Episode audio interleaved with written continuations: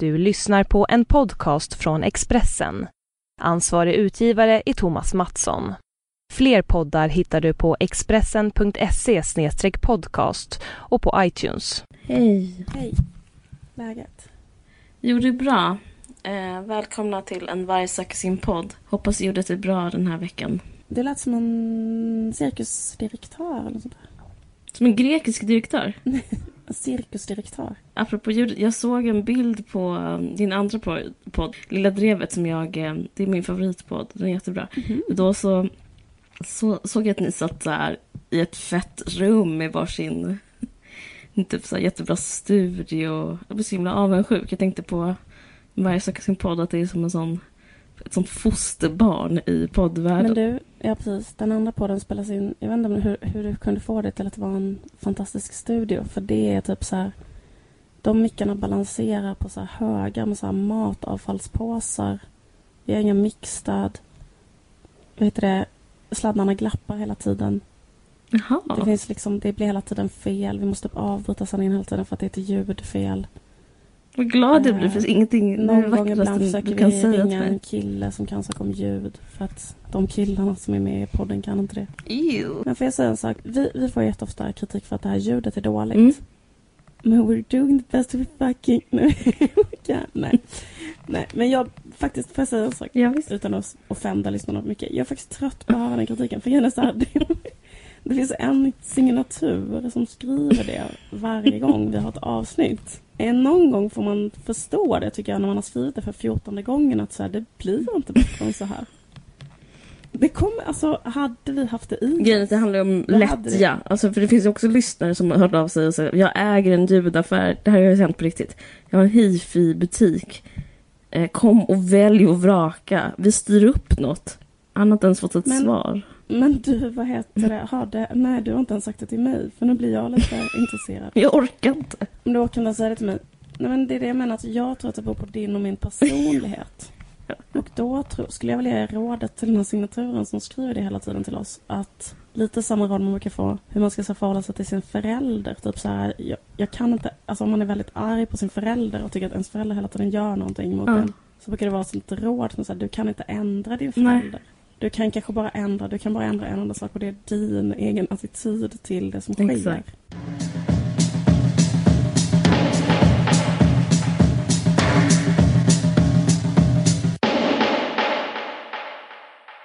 Alltså jag är så uppjagad för att jag kollat på det här avsnittet av Mom Enough.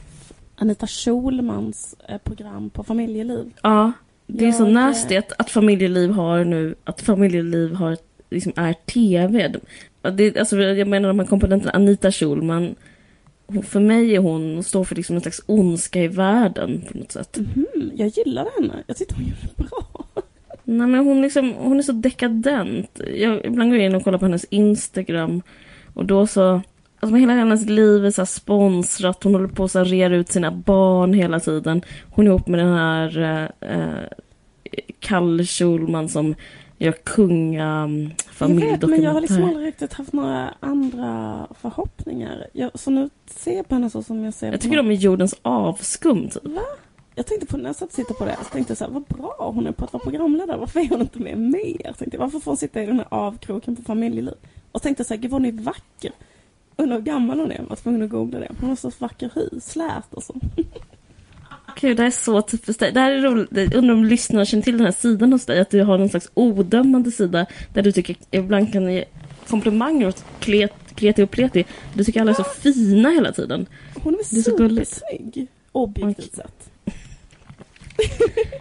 Okej. Jag var så glad för hennes... Liksom, jag, jag tänkte så jag tänkte så bli så glad för hennes barns skull. Att de hade en sån fin genpool de kan hämta av. När deras pappa också är Kalle Schulman. Så tänkte jag så här, vad underbart att... Vad demokratisk hon är som är ihop med honom. Vad gullig du är. Ehm, men i alla fall, hon har ett program som heter Mm. Mom Enough tillsammans med Manne Forsberg. Som, som egentligen är mest känd för en bok som heter typ Kukboken eller något annat vidrigt. Kukbruk heter den. Kukbruk.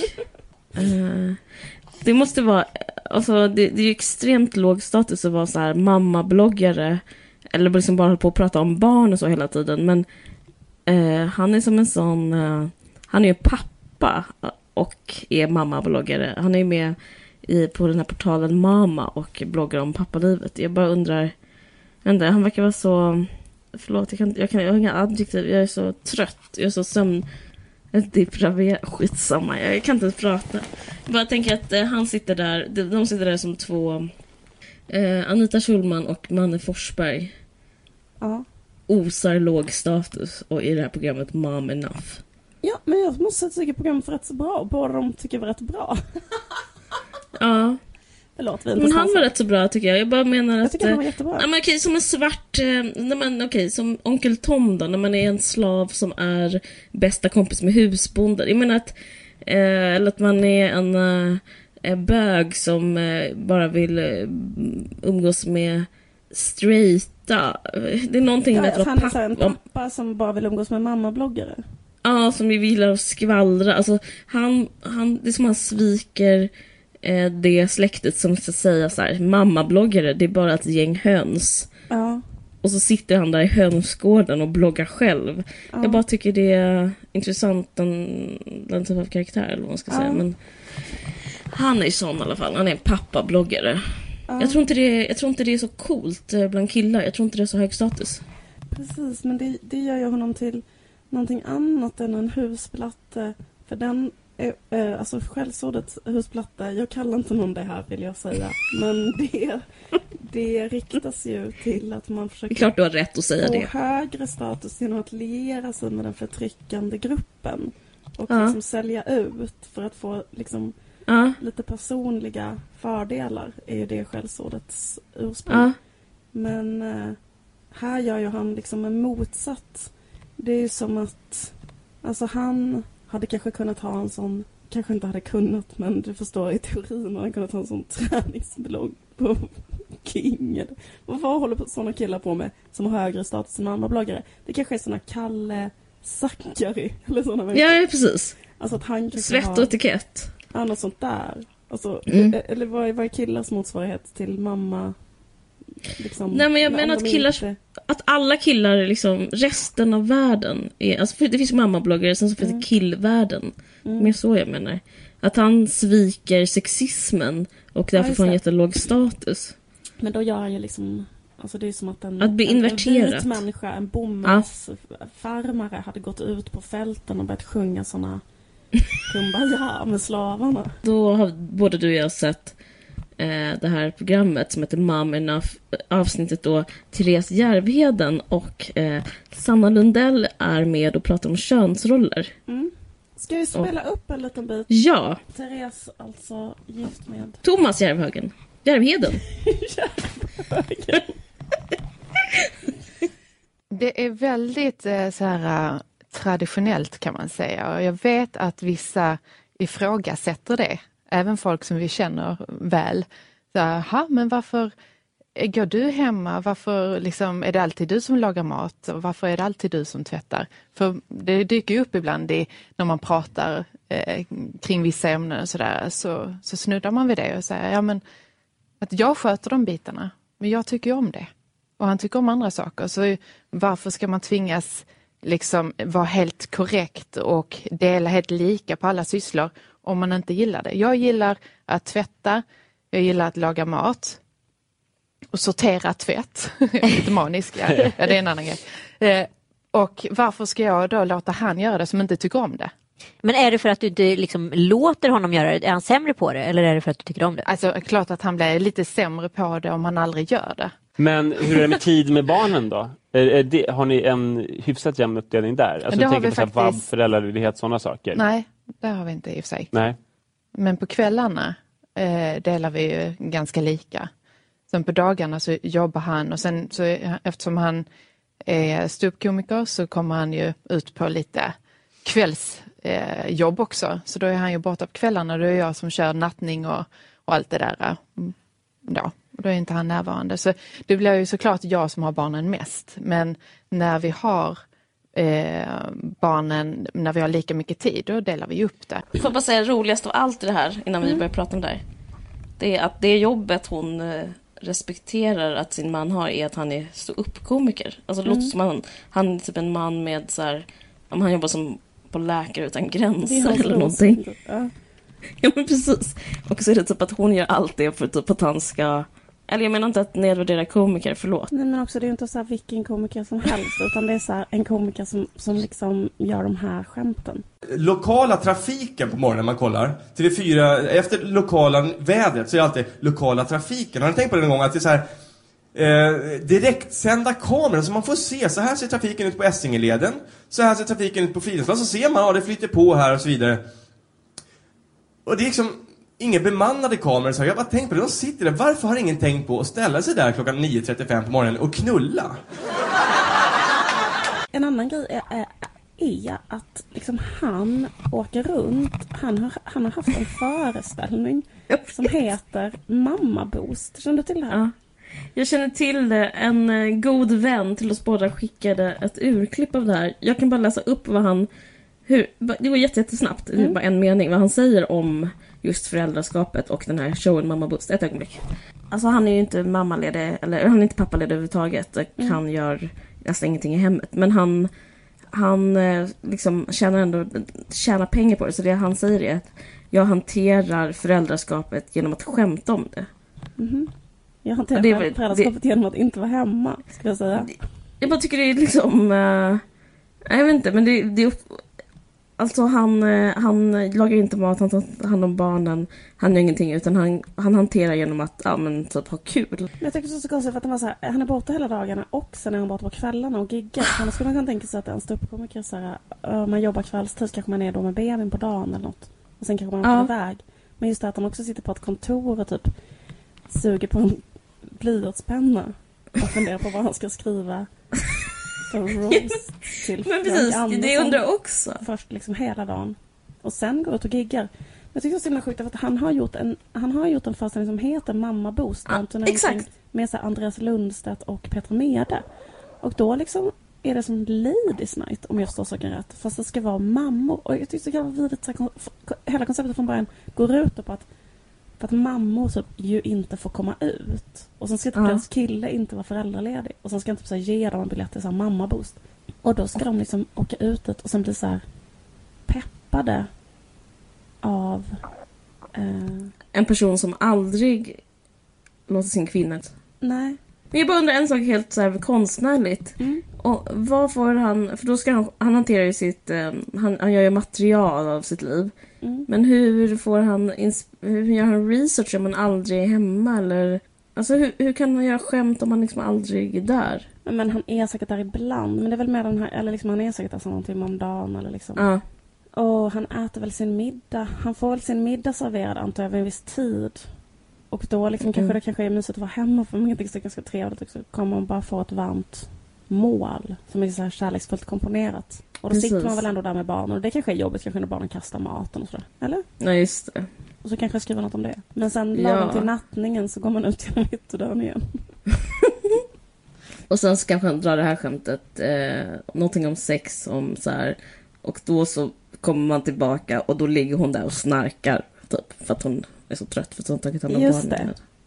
Men det var också, de pratade också om så här, hur gör man eh, med den här grejen att män är lite bättre på att säga att eh, deras grejer är viktigare än kvinnans grejer. Alltså typ att de är bättre på att värdera. Den känner jag ju av Ja. hela tiden faktiskt. Men det är ju befogat också för att han har ju ett viktigt jobb. Alltså, ju. Medan jag oftast kan reglera mitt lite och då anpassar jag mig efter hans schema. Eh, Men det känns ju alltid, när man gör det år efter år, så, här, så känns det ju också att det, man sätter sig själv i underläge istället för att steppa upp lite och säga, Ja, men det är vad, det här är dig att viktigt göra för ditt mig. jobb så viktigt då. Om det, inte, det kan, kan ju liksom inte växa sig så viktigt om du hela tiden får Nej, repetera det. exakt. Så man måste ju bli bättre på att ta för sig. Jag, jag, jag kanske är lite dålig på det. Det var intressant Mm. hur hon skulle vilja sig själv. Att det slutade med att hon sa så här, jag är Det kanske- dålig. Var ändå slutpoängen av det här, det här resonemanget.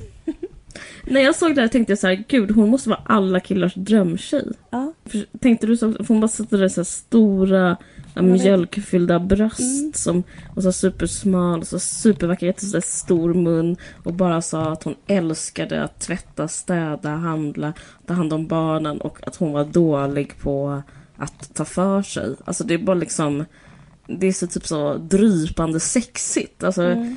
Jag, jag vet inte. Men vet du att hon, um, min kille är ju också ståuppkomiker. Jag kan ju känna igen mig lite i, i hennes, Ja. hennes liv på det sättet. Vi är lika på det sättet. Men han berättade för mig att hon är också ståuppkomiker. Alltså hon har också varit ståuppkomiker. Alltså han har sett henne på olika klubbar. Ja! Och det nämndes ju inte här. Nej. Hon, Och vad- hon, hon benämns som skådis. Mm. sa han att hon var rolig och bra. Han sa att han har sett henne för ett antal år sedan på olika klubbar och typ att hon var så här en bra, rolig ståuppkomiker. Vad roligt. Men jag började tänka också att hon, eh, för att hon hade något, om jag, om jag skulle kasta henne till min tv-serie. Hon bara, ja, jag är ju skådis men jag får inte så mycket tid för... För att hon, hade ju, hon har ju ett fantastiskt utseende hon hade ju någonting alltså. Ja, Vad intressant. Men Men- du, får jag bara fråga...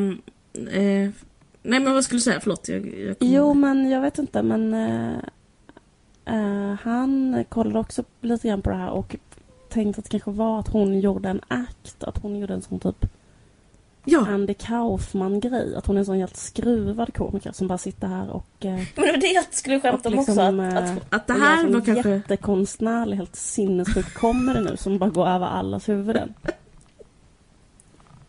Så kan det ju vara. Men jag tycker också att hennes... ehm, jag vet inte, något det sorgliga med henne är nästan dialekten. Vad tycker du om den? Alltså, den är så... Den är så livs... Hur ska man säga? Den är så självhatande. Man fattar ju att hon, hon pratar så här. Hon pratar så här bred skånska som hon ska tvinga ner till en sån stockholmsk... Jag vet inte. Det, det känns som att hon hatar sig själv när hon sitter och pratar lite som Maria Abrahamsson nästan. Hon Ja. pratar lite så här. Eller som Carl Bildt Ja, en så liksom piskad skånska. Alltså Ja, det är som eh, säger väldigt mycket. ja. Det, Ja. Jag känner också igen mig i det. Jag kan också ha en sån jättekonstig skånska. Men det är inte... Men du har ju alltid haft en konstig skånska. ja, men det tror att hon har haft en mer bred skånska som hon har försökt... Eh, vad heter det? Ja, gud ja. till Thomas Järvenen. Men jag måste säga en annan sak om just Thomas Järvenen som jag tycker det var så himla sjukt att jag blev liksom, jag blev så himla, jag, måste, jag kan liksom nästan inte kolla på såna här grejer för att jag blev så himla berörd och illa berörd och bara, Mm.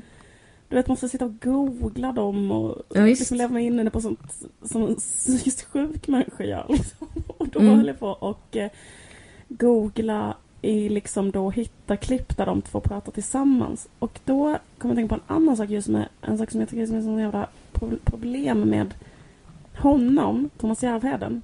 Mm. Att jag såg honom liksom eh, sitta och prata om sin comedy i eh, TV4s eh, morgonsoffa. Och Mm. sa han så här. Comedy är ju...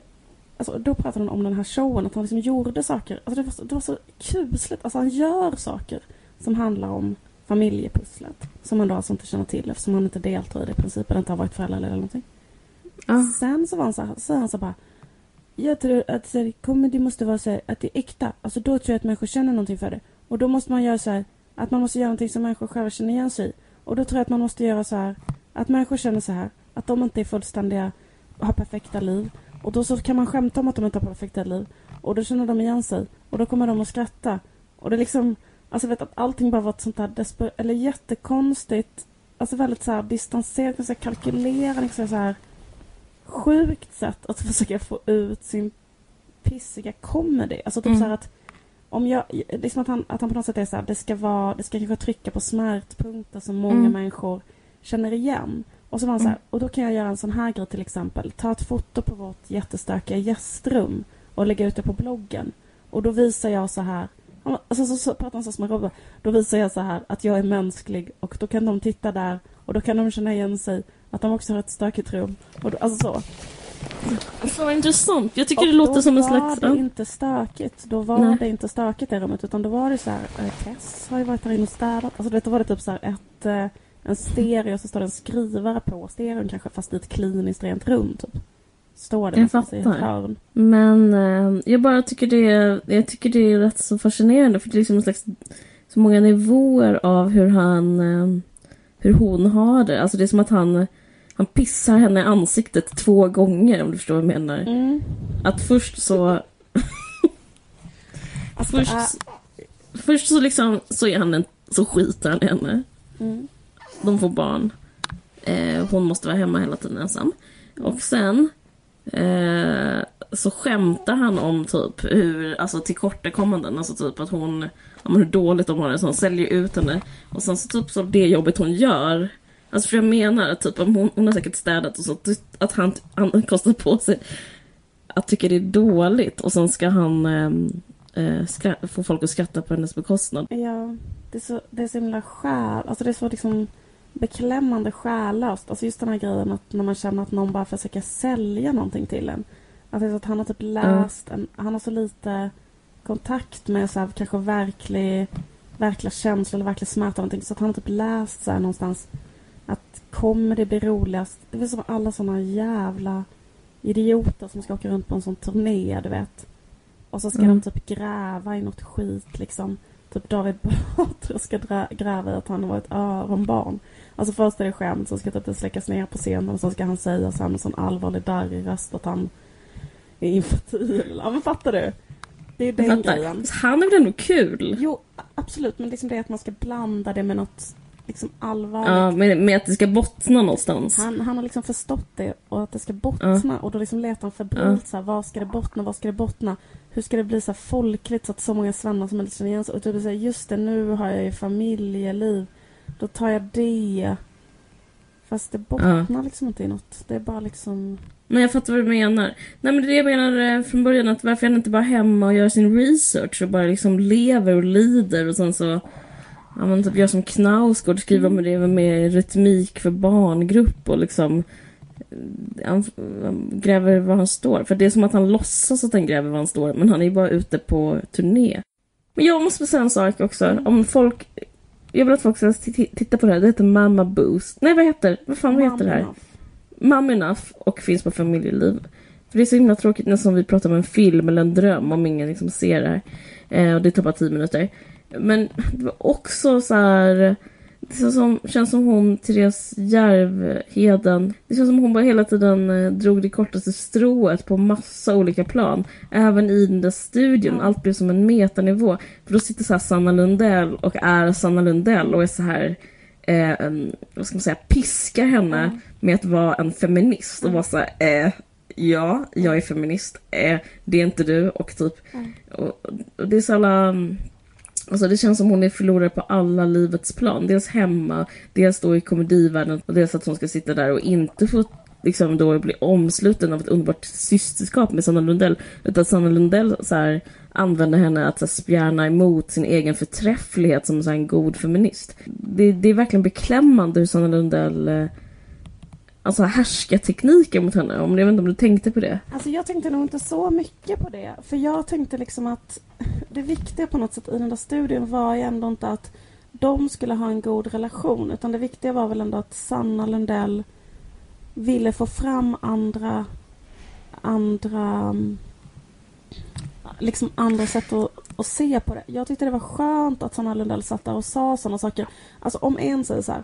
Jag tycker Mm. att om en tycker att det är roligare att städa och laga mat och en tycker det är roligare att jobba. Då tycker jag att en kan städa och laga mat och en tycker det är roligare att jobba. Och då säger Sanna Lundell så här. Ja, men en sak med det är ju pension. Så här, du kommer få, om ni skiljer så kommer du få kanske 8000 i månaden. Alltså när du är gammal. Mm. Och liksom bara kanske att man kan tänka på det. Och sen så här, att det nästan alltid är så att kvinnor tar ju ut, alltså det är ju typ 80 procent eller vad nu det är, jag kommer inte ihåg, men alltså en enorm majoritet av föräldraledigheten och vabbdagar och så. Och därför får de lägre Mm. lön. Och därför får de mycket mindre pengar när de är gamla. Och det kan man väl lösa, det borde man kunna lösa egentligen, tänker jag i och för sig på något helt annat sätt, typ genom att det också är pensionsgrundande att vara föräldraledig till exempel. Eller något. Mm. Men om man, man ska liksom, men, men, men det var, så jag tyckte ändå att det var skönt att någon liksom kom in med den infon bara. För att annars tycker jag att det sitter massa människor, massa människor och lyssnar på det där och tycker typ att eh, ja, så kan man väl tänka. Eller varför, hon bara, varför ska någon korrekt typ komma och säga till mig? Man bara, nej, det, fast det handlar inte om det. Men det handlar om att det för vissa väldigt grava nackdelar av att dela upp det så. Absolut, det håller jag med om. Det var helt underbart. Alltså jag ska återkomma till vad Sanna Lundell sa snart. Men det, men det jag menar är att det fanns en slags... Eh, I programmets dramaturgi så var hon en jäv, Ja. ett jävla... Det var hemskt. Offer liksom hela tiden. Hon var offer på alla plan. Jag tyckte hon var offer för att hon var ihop med den jävla eh, hopplösa komikern.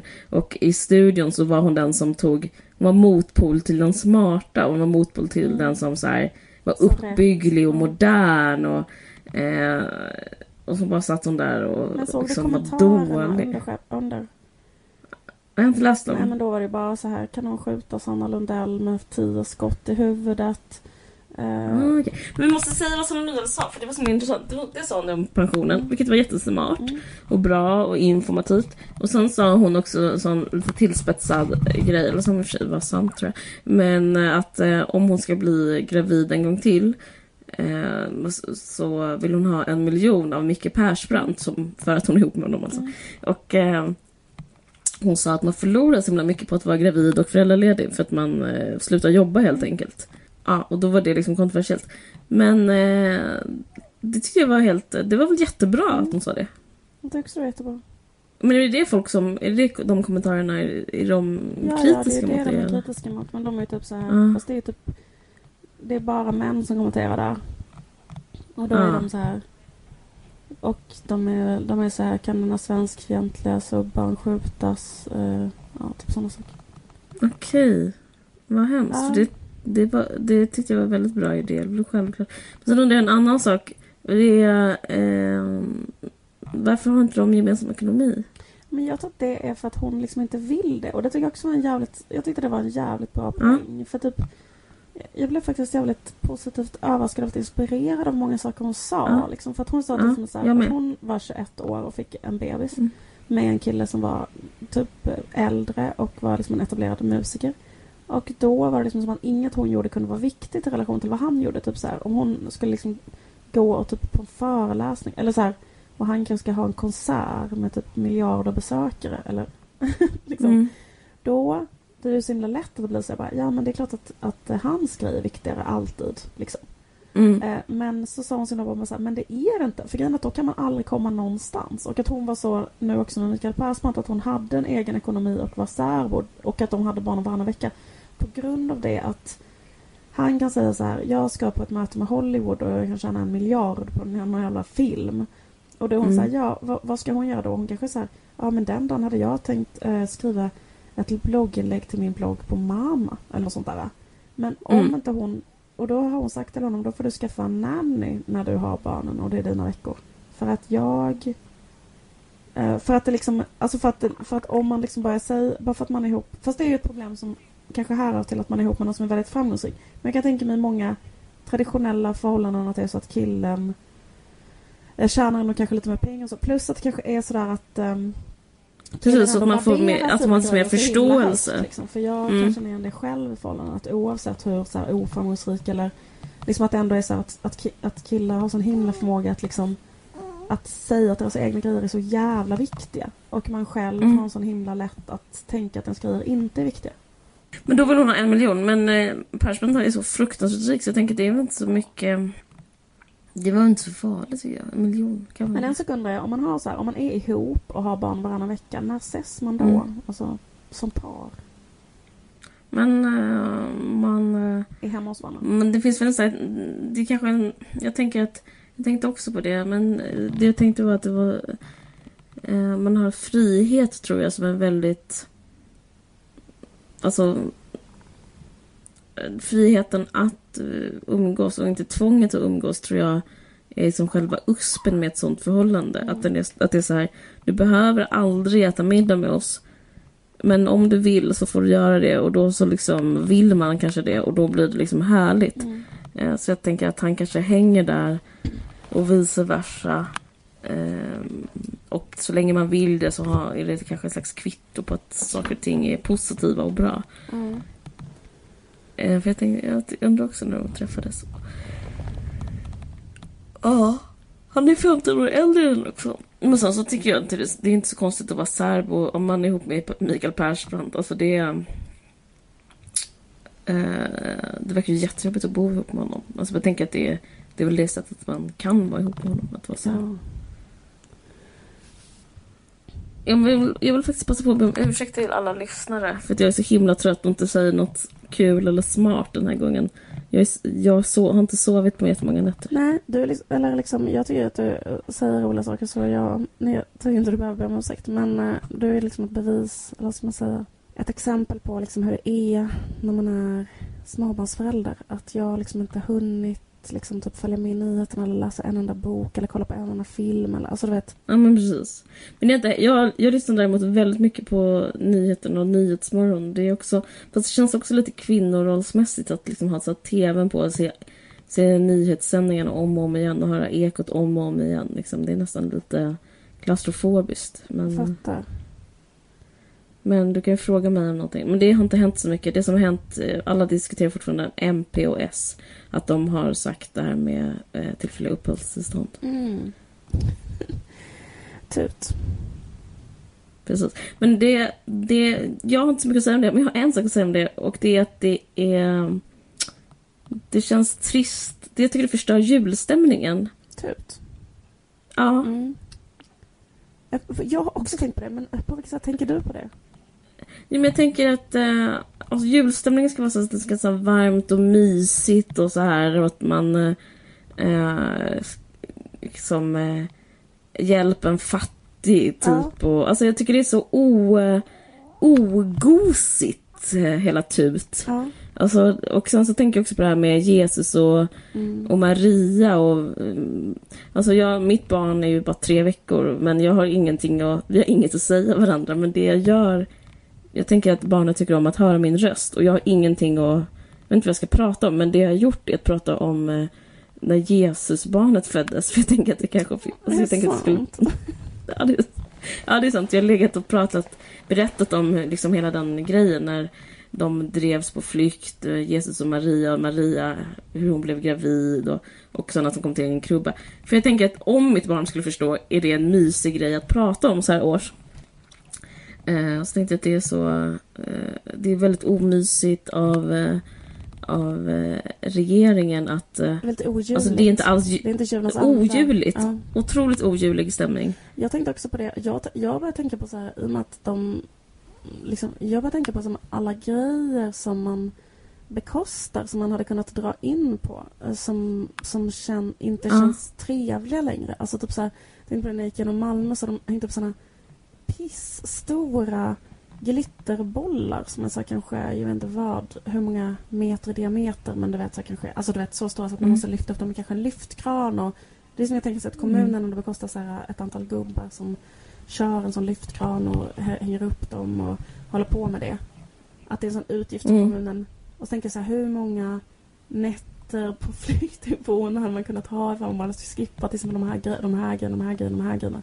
Det förtar också känslan av Mm. så här, vad, vad fint med den här alla så här kommunala utgifter som känns det känns liksom så jävla vidrigt. Liksom så här, ska vi sitta här i det här EU-reservatet nu? Nu blir det ju fått Europa liksom ännu mer fullt ut och liksom alla EU-länder. Mm. Och sen sitter vi här inne med vårt julpynt. Liksom, och bara så är det sån isande bara stämning av att det pågår något. Ja, det känns väldigt speciellt. En jul, kommer jag ihåg, så var jag ehm, eh, vad heter det, i en sån eh, zapatistisk by i Mexiko. I eh, en sån eh, ursprungsfolksby och var fredsobservatör. Och då så var det julafton. Och då hade de en jultradition som var så här. Att alla hela byn eh, gick, alltså en flicka och, eller en tjej och en kille från byn lajvade, klädde ut sig till eh, Josef och Maria. Och så gick Ja. de längst fram i en position och så följde alla efter dem. Så att man lajvade den här situationen. Och så var det som att Maria var gravid. Hon hade typ så en kudde under magen och så. Hon hade Mm. mm. kläder på sig. Och så var det på natten så var det helt mörkt. Så typ gick man typ höll ett ljus eller sånt där. Så gick man typ bakom dem. Och så, de bodde i en sån jätteenkel by med bara liksom så här hyddor. Och sen så hade de liksom förberett så att man gick och Maria och, och Josef gick och knackade på i en hydda och frågade så här, kan vi få komma hit och typ föda det här barnet? Och då sa de så här, nej det får ni inte. Och så stängde de. Och så gick hela processionen vidare till en annan by. Eller till en annan hydda. Och så knackade de på där. Och så sa de, nej det får ni inte. Och så gick vi vidare till en annan. Och sen till slut så var det som att de fick komma in på ett ställe. Och då var det typ förberett där. Och då var det typ ett firande där att man sjöng en sång och liksom eh, hade typ en docka eller någonting som var Jesus. Jag kommer inte ihåg. Men jag minns den här stämningen. Mys. Att man... Eh, liksom det, det var väldigt så bra liksom att liksom Ja. tänka på det eller känna, känna Det jag menar nu är ju stämningen så här. Nej det får du inte, nej det får du inte, Ja. nej det får du inte, punkt. Men att de gjorde det varje år som ett sätt att så här, komma ihåg hur Josef och Maria hade det. Det, det, det är otroligt Ja, fint. verkligen.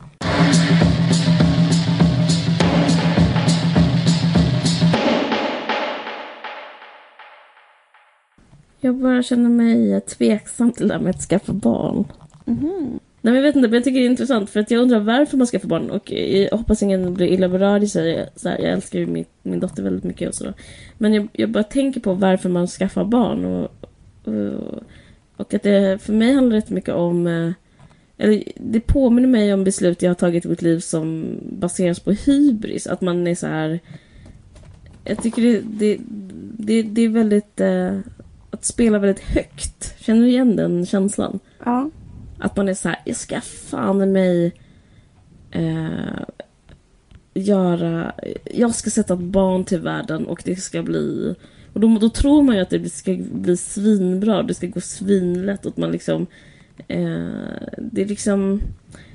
Jag, jag upplever en slags självgodhet i hela det beslutet som Mm. inte alls rimmar med resultatet. Och att jag nästan skäms att jag är så självsäker på något sätt. Alltså jag känner mig så kaxig på ett eh, självmedvetet... Jag, känner, jag, jag är lite generad över min egen kaxighet, det här med att skaffa barn. Ja. Fattar jag det rätt om du menar liksom att så man kan inte... När man ska skaffa barn så måste man göra det på en känsla som inte är så här att man på ett rationellt sätt sitter och skriver ner Exakt. så här fördelar och nackdelar utan man måste göra det Det är sån såhär, motherfucker, jag bryr mig inte, watch me, typ. Så, så upplevde jag att det var att skaffa barn. Man bara, eh, för att det är Ja. liksom väldigt konstigt. Men det är svårt och jobbigt och det är mm, jobbigt för relationen och bla bla bla. Men att man är sådär, men vänta bara, jag kan, eh, jag kan det liksom. Alltså det, det kräver väldigt mycket självförtroende och jag, Ja. det påminner liksom om hur jag jobbar ibland. Att jag kan vara såhär, men okej, folk säger att de inte klarar av det jobbet, men jag klarar av det jobbet. Mm, Eh, så är det jättemycket. Ja men så är jag jättemycket och så upplever jag det här med... jag ska regissera. De bara, du har väl aldrig regisserat? Jag ska, och så vidare. Så Exakt. Exakt, exakt. Och eh, nej, men jag, bara tycker det är... Och nu får liksom... Eh, eh, och det är liksom en väldigt så här, hög känsla. Man, det är en underbar känsla. Men att eh, falla från den... Eh, jag upplever att jag nu har fallit och jag liksom är där och liksom måste så spegla mig i vad som hände. Alltså det... det jag, jag, min tillvaro är liksom lite pinsam sen, sen det hände. Liksom. På vilket sätt? Pinsamt? Jo men att jag... Jag tycker det är jättesvårt och jättejobbigt. Och hand om. stressande. Ja. Ja men jag är så jätte... Det är man är rädd som att någon ska... Man måste ha ansvar för ett liv och... Ja, det... Det är så, så tycker jag det är jättemycket. Och eh, ja. Du känner inte igen det alls? Det är kanske ingen som känner igen det? Kanske Jo, sagt det är klart att det är liksom... Eller liksom, jag vet inte. det- Jag tycker det är så, det, det är så jävla stor existentiell, konstig djup, liksom konstig upplevelse som liksom inte riktigt går att liksom så här förklara liksom, eller säga någonting om. Man kan säga någonting om det Mm. i så här små glimtar men liksom Men jag kan också känna igen det där att man, kan, att man inte förstår alls varför man skaffade barn. Eller om man träffar folk som inte har barn så blir man bara så här, va? Varför lever man inte bara så? Ja, Ehm, men sen så tror jag, jag vet inte, för jag tror att det också kan vara så, kan ganska så här banala skäl varför man skaffar barn. Till exempel att, jag tror att jag tänkte jättemycket så här liksom att jag var så här väldigt trött på ehm, att eh, festa typ eller bara vara ute och liksom tyckte typ att det var tråkigt. Och liksom inte fick någon kick av det, liksom inte fick ut någonting av det. Eller liksom att det kändes så här eh, att jag ville liksom ändra, alltså, alltså det, här, det, är liksom, det är så himla men då hade man ju också kunnat bara ta en annan typ av paus från det. Och- För sen blir man ju sugen på det igen och det går inte. Ja, precis.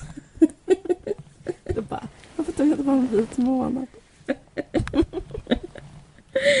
Exakt. Nej, men det, var, det var bara att jag stod och bytte blöjor och liksom höll i bajs. Och så tänkte jag så här: Oh my god, du hade hybris. Alltså jag bara fick en sån... Eh, Oj, förlåt att jag är Thomas Järvheden, men... Eh, eh, jag bara fick en Erkänn att sån du inte är föräldraledig egentligen. Nej,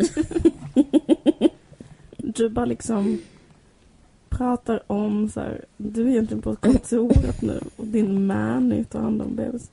Precis. Jag bara undrar om det här ska bli den nya varje podd att jag bara säger så här halv, halvintressanta grejer om föräldraskapet. Du säger väl jätteintressanta saker om föräldraskapet? Nej men vet du vad jag tycker är trenden i den här podden? Nej. Det är att vi är så positiva till allting. Eh, vi har liksom, hela hösten så har vi varit så här liksom att vi har tagit upp utskällda fenomen och sagt att de har varit bra.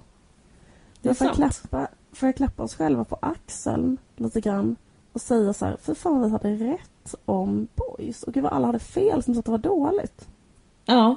När man Jag, skulle, jag ser mig själv som en korsriddare i boys-tåget. Mm. Du var väldigt tidig med att identifiera det som bra drama. Det Ja, det, alla andra kan fucking... Eh, jag, jag, jag skulle... Förlåt, men jag tycker att jag är bäst på att se vad som är bra drama här.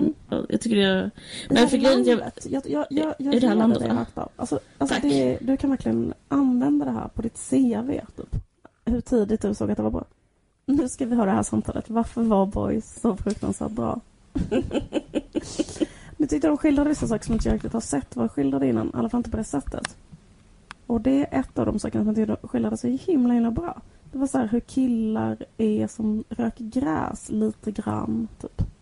ja. Alltså man ser alltid det skildrat på ett sånt sätt som är så här, någon som knarkar jättemycket typ.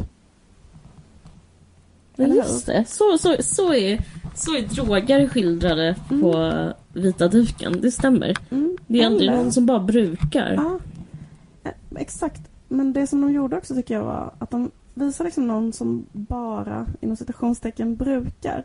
Men antingen kan man göra så här att det är liksom eh, missbruk och det är jättesjukt och det är jättehemskt. Eller kan man se det som typ så här när någon dramaserie försöker vara pyttelite edgy. Att det också är så att man drar upp en joint någon gång då och då.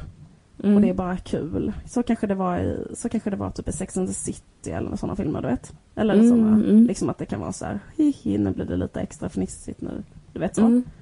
Men en sak som jag tycker de gjorde den där, det var liksom att de visade det där bruket men sen visade de också på ett väldigt så fint sätt liksom bara lite neråt sidorna. Eller så här hur det är när man är med, är liksom, är med någon som är sådär, liksom typ röker hela tiden. Eller vad det kan innebära. Alltså det var flera som var så att, typ, att de fick så bra självförtroende när de var pårökta och tyckte att de själva var så jävla bra. Alltså typ såhär när man, killar som håller på med musik och röker Just gräs typ. Att då liksom bara stå och liksom bara skrika och ha helt mycket hybris och hur himla bra man är. Och sen var det typ så här klipp till så här, jag har typ ett tryck över bröstet, det känns som att mitt liv, alltså typ så. Alltså jag Mm. tyckte det bara var bra. Och så, eller liksom bara lite, alltså i väldigt så här lågmält, lågmält skildrat. Ja, och sen den där grejen att inte kunna vara ihop, det jag tyckte var den bästa scenen. att inte kunna, att en av de här karaktärerna lovade sin tjej att inte röka. Och sen att hur, hur det är med så killar som typ då inte ska röka gräs och så kanske man ändå vill det jättemycket. Och då kanske att man blir så himla nojig och rastlös och otrevlig så av att inte röka. Så att det liksom ändå gör att man kanske börjar bråka och gör slut. Och så är det liksom inte riktigt för att den, det inte handlade om gräs men det är ändå det på något sätt. Alltså det är Mm. en ganska stark... Jag vet inte, jag bara tyckte det var så jävla fint skildrat. Jag har aldrig sett det skildrat så. Det var så jävla realistiskt. Ja, det var verkligen. Eh, det var verkligen... Och att det var... En annan sak som var väldigt soft med det var att det var så medelklassigt skildrat. Det har jag tjatat med innan, att jag gillar det så mycket. Men det var inte så. Alltså, I rännstenen ligger de, röker gräs. Eller typ på plattan röker de gräs. Utan det var så här... Eh, liksom inte alls objektifierande. Eh, vilket ofta är med droger. Det är så jävla konstig stämning kring droger i Sverige. Att det är så himla eh, stigmatiserat. Så. Men det handlar liksom inte alls om eh, moralen för fem öre. Det tycker jag är väldigt soft faktiskt. Ja, precis. Och sen också liksom att det finns liksom... För då blir det liksom, i och med att det är så stigmatiserat och så, då blir det liksom som att när någon ska skildra det Mm. utan att uh, stigmatisera det så ska det vara som att Mm. någon ska skildra det utan att det ska finnas några som helst problem med det. Och sen så eh, tyckte jag bara det var Mm. fint att man bara visar på ett ganska fint sätt lite så hur det kan vara. Ja, verkligen. Det var, Mm. det var, jag håller med. Sen den där skådisen så jävla bra. Om jag hade på Drama hade jag castat honom direkt. Det kommer jag alla göra nu. Armand, Armand Pirnor?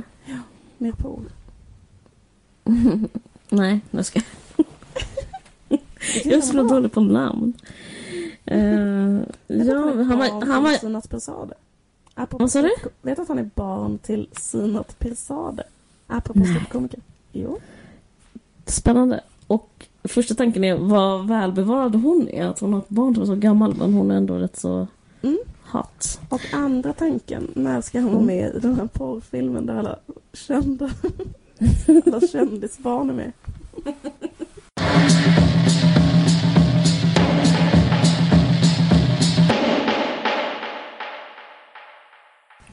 Jag eh, skulle handla lördagsgodis till mina barn häromdagen. Mm. Eh, och då eh, blev jag så här eh, väldigt um, hårt tillsagd av en um, gravid uh, kristpunkare. som står bredvid i där man tog godis. Mm.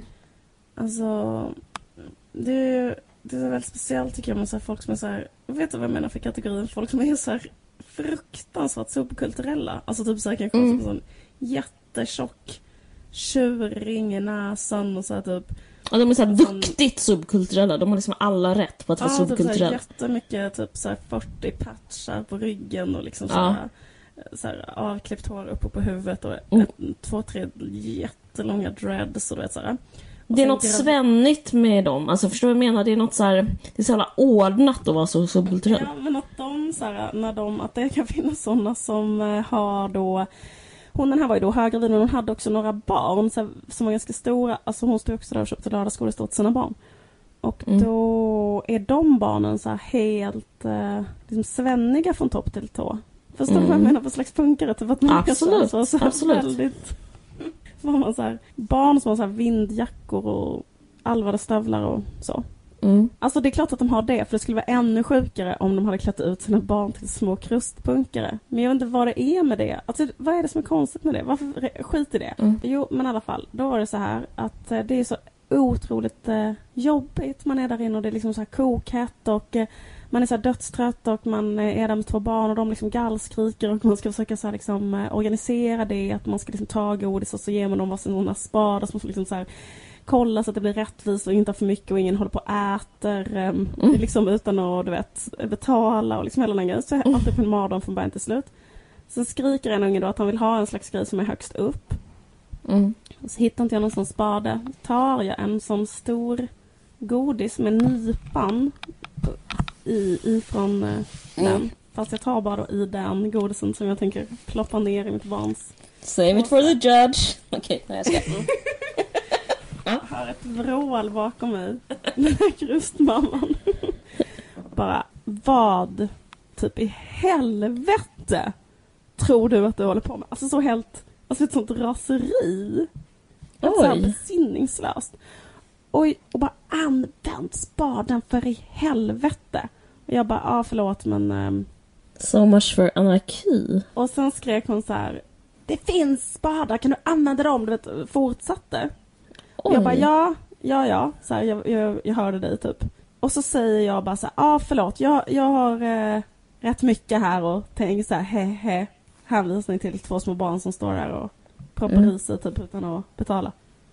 Hon bara, jag har också rätt mycket. Jag har också rätt mycket. Alltså det är så här bara, exploderar ännu mer. Hur mycket tror du jag har? Typ så. Så bara... så här. Och sen, sen fortsatte hon. Alltså det här var så sjukt För att jag sa så här, förlåt. Så skrek hon så här, hur, hur fan tror du att så här, barn ska kunna lära sig att ta med spadar när de ser vuxna som du eh, stå här liksom och ta med händerna? Och så blev det liksom så sjukt stämning så att jag var tvungen att vara såhär, ja ah, men alltså jag har redan sagt förlåt så att jag tycker liksom du kan typ så här dämpa det. Alltså det var sån typ av kämpande.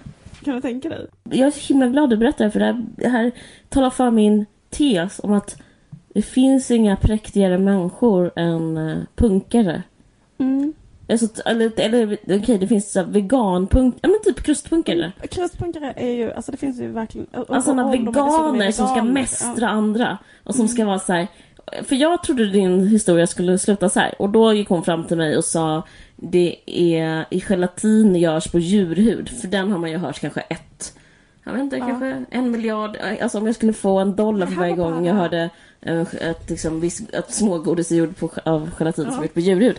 Alltså det är så, det är så jävla krustpunk, slentrian. Alltså det är så tråkigt, det är så vardagsrealism att behöva höra en krustpunkare liksom bjäbba om det. Eh, för det, ja, de är verkligen stela. Men det tycker ja men verkligen. Och sen också att det var så här, att det verkligen är så här en sån konstig... Alltså fast det, det var som att hon hade tagit in hela sin såna så här krossa systemet, eh, no future, alltså typ hela, alla de Ja. typen av slagord. Och liksom... Alltså typ Kanaliserat det där. kanaliserat liksom. det in, eller typ så här, ta ingen skit, jag tänker fan så här, fight back, så här, fight back the power. typ, liksom, fast de gjorde det mot så här, hygien eh, reglerna i liksom Ja, men krustpunkare godisaffärer. älskar hygien också. Alltså det är Ja, jättemycket. alltså så otroligt hygieniskt. Och, ja. och, jag, och grejen att hon har säkert rätt. Eller jag menar, det är säkert, det är säkert det. Eh, för jag vet, jag är själv också en jävla liksom eh, typ en slarvig, kladdig människa. Och det Ja. vet jag om liksom. Ehm, och jag ehm, liksom blir alltid tillrättavisad. Alltså du vet, så här, jag är alltid så här, står och, och mumsar oliver ur en burk med fingrarna och sådär. Ja. Och, eh, och liksom det, och det, och det är liksom um, fair enough. Alltså hon, hon har säkert rätt att det är en, förmodligen en otroligt vidrig smittohärd i de där godis um, lådorna och sådär. Men det var bara någonting med den här, eh, med den här grejen att, att hon var liksom, eh, eller så som med den eh, jag tänker på att de människorna också ganska mycket så här, liksom att man gillar civilkurage så här, jättemycket. Alltså att man älskar den grejen att så här, nu är det jag som säger till. Eller så här, jag tycker Mm. fan inte typ så här, Alltså det är den här fight the power grejen. Mm, att man inte ska ta skit liksom. Man ska inte ta någon skit. Att man ska liksom Mm. typ nästan så här redan nästan att starta en, ett bröd, alltså nästan redan lappa till mig bara. alltså tar eh, den här All cops are bastards typ fast med mig liksom och med liksom någon som du vet gör fel liksom säkert du vet jag tänker så, så här, Ta lagen i sina egna händer helt enkelt Ja, och bara köra. Ja, exakt. Det är som en, eller typ att någon är hemma hos henne och, och liksom inte tvättar händerna innan de hjälper till med maten. Och skulle de säkert också kunna liksom typ bara slänga ut den genom från lägenheten och liksom knuffa ner för trappan. Alltså du vet, den där. Ja. Ehm, men också att det är intressant. Uh, nej men det Men men det- jag tänker på ja. civilkurage överhuvudtaget. Mm. För det är väldigt uh, upp, Men det är så inte bara det att hon älskar regler då? För alltså krustpunk är ju också så fullt av regler. Ja. Det är sån... Men- Ja, nej men säg. Ja, nej, jag bara tänker att en krust, eller liksom, de är ju, alltså du vet ju typ så att det förmodligen är så hennes lägenhet är säkert den renaste lägenheten i, i Malmö Ja. liksom. Ja. Och att hon säkert har också en sån här svennig inredning, typ att allting är så här, kanske inplastat. Eller liksom att jag kan tänka mig att det är så här minutiös ordning i en CD-hylla och sånt saker. Precis. Men att man har Nej men du skulle säga om civilkur- du skulle säga något om civilkurage. Nej men jag bara det är, men min enda så, äh, analys av det, det är typ som man...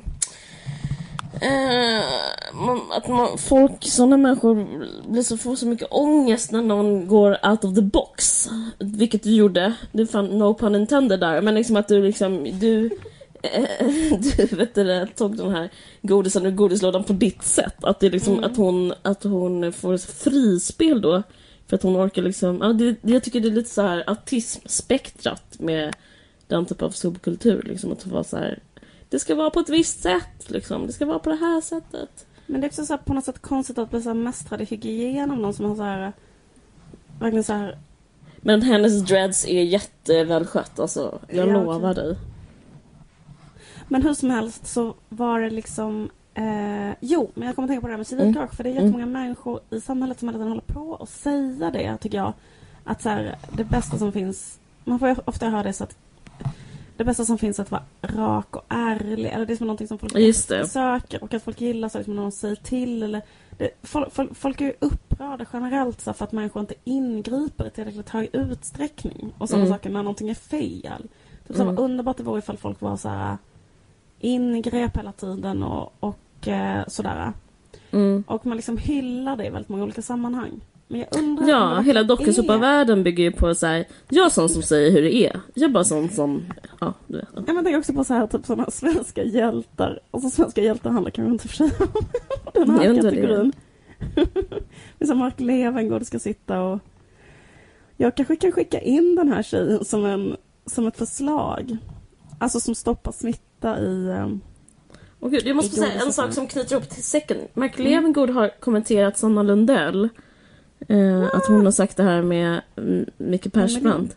Ja, då sa han så här, då, typiskt han, alltså vem är surprised att han är sexist? Men då är det så att han ska skämta att det var så jävla dumt av henne att säga det och så, och så, så han kontrade genom att twittra ut eh, Sanna, du gör helt rätt. Om jag ska skaffa barn med Jonas då ska jag faktiskt få en hel drink och en korv. Alltså fruktansvärt tråkigt skämt. Va? Ja, men han, alltså han menar typ att man ska få grejer om, Mm. om, eh, om man skaffar barn med någon. Alltså han, han missförstod allt men han typ, eh, hans så här mysiga style var typ att eh, ja men han så här mysig bög och liksom kör, kör så här mysig eh, att han missförstod och typ ville ha en drink om de skaffar barn. Jättekonstigt. Och det här tog Anders Pilblad upp i, i TV4 Nyhetsmorgon. Det var så jag fick reda på det. Gud, det är verkligen mammaledig. Men för att knyta ihop säcken med min spaning, min Ja. spaning är så här. Jag tror inte civilkurage, eller jag tror inte att alla de människorna som på efterfrågar civilkurage alltid, alltså att man verkligen jag funderar lite grann på så här, vad är det, det där att ingripa och säga att någon gör fel med väldigt stor skärpa? Eh, är, är det är det verkligen ehm, är inte det bara dåligt i alla sammanhang? Jag skojar bara. Jo, jag Ja, exakt. Nej, ehm, men det är någonting med det där med att jag undrar ifall... Ja, men till exempel här terroristen som, blev, som inte var terrorist, alltså den Mm. nyheten. Det, det, den byggde ju på civilkurage. För det var typ en, eh, jag, jag hörde på Ekot att det var en kvinna på bussen, som, alltså en ung tjej, kanske 25 år, som såg den här terroristen. Och hon tipsade polisen om honom. Han, och, då, och då var han såhär, nej, jag tar, ska ta Eh, Jag ska faktiskt inte bara inte säga någonting utan jag, nu ska jag säga och då, då hade hon tipsat om eh, att det var en person med utländskt utseende som inte kunde eh, Han hade inte pengar till bussen och han fattade inte riktigt vad hans stopp var. Alltså, förstår? Med, alltså att hon, hon var så medborgare Jag fattar. En egen privatspanare typ. privatspanare och då så var ju det helt, alltså det här stärker din tes. Då, det var ju helt fel. Ja men ja, det är liksom ett skräcksamhälle att alla sådana människor som typ Så. Å- jättestarka åsikter som de Ja. uttrycker på familjeliv.se eller under. Ja. Att de ska börja så här, som, som, som yttra dem till alla människor varje gång någon gör fel i deras ögon. Alltså det låter ju helt... Jag bara så värnar så himla mycket om så här, den svenska konflikträdslan när jag liksom tänker på det scenariot.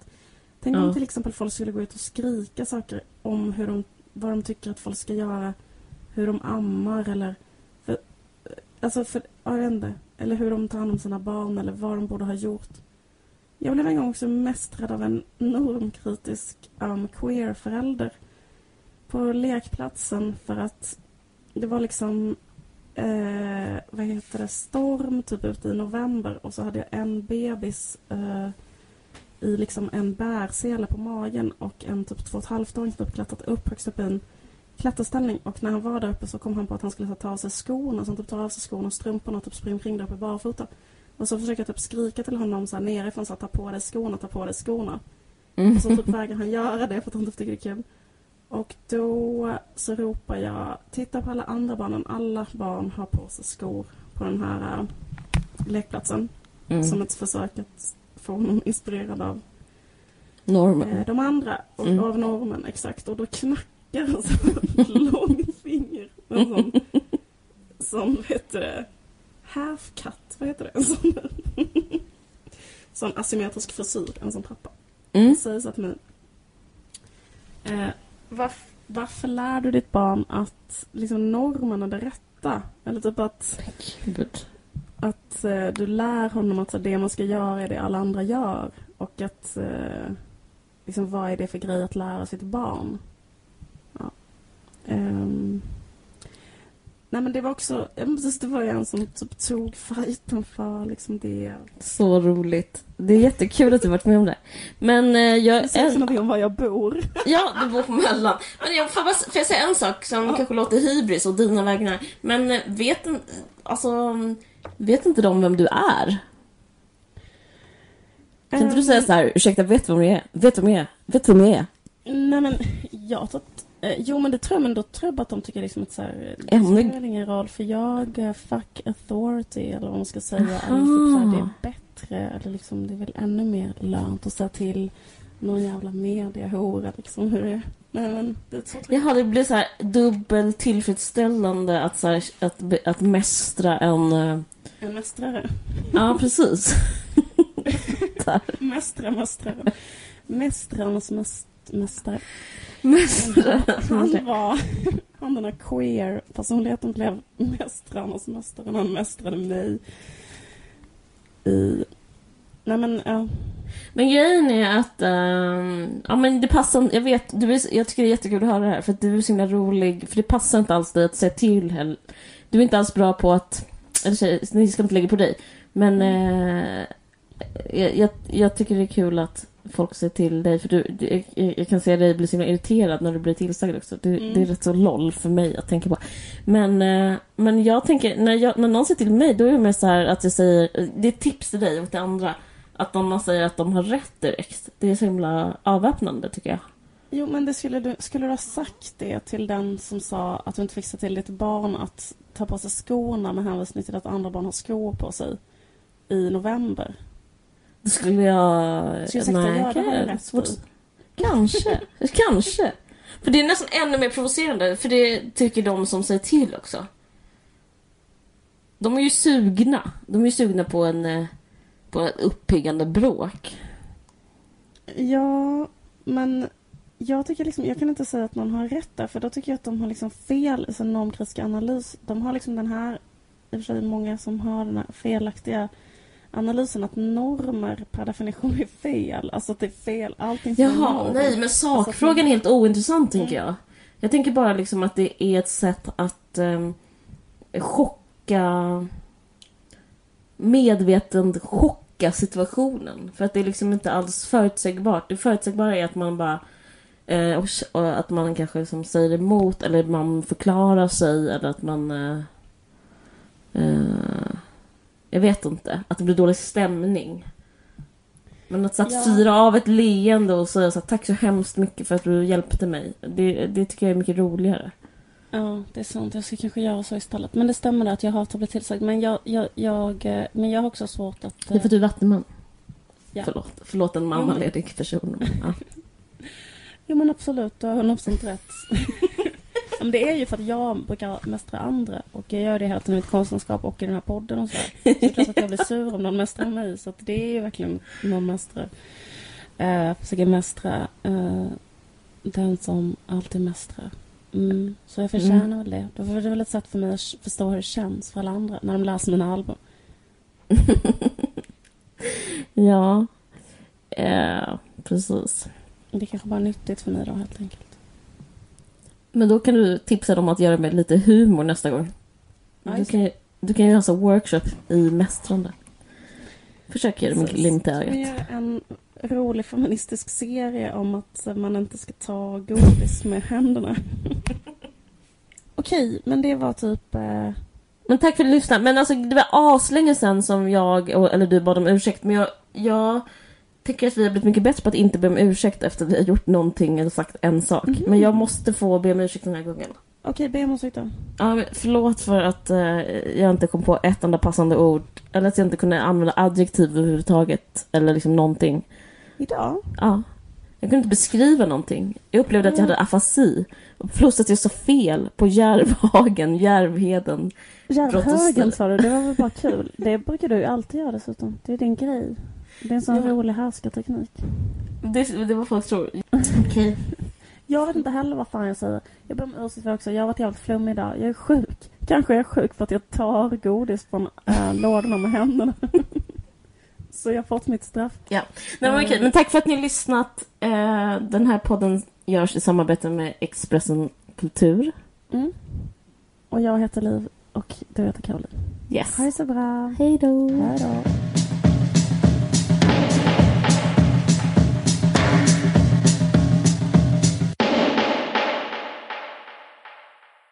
Du har lyssnat på en podcast från Expressen.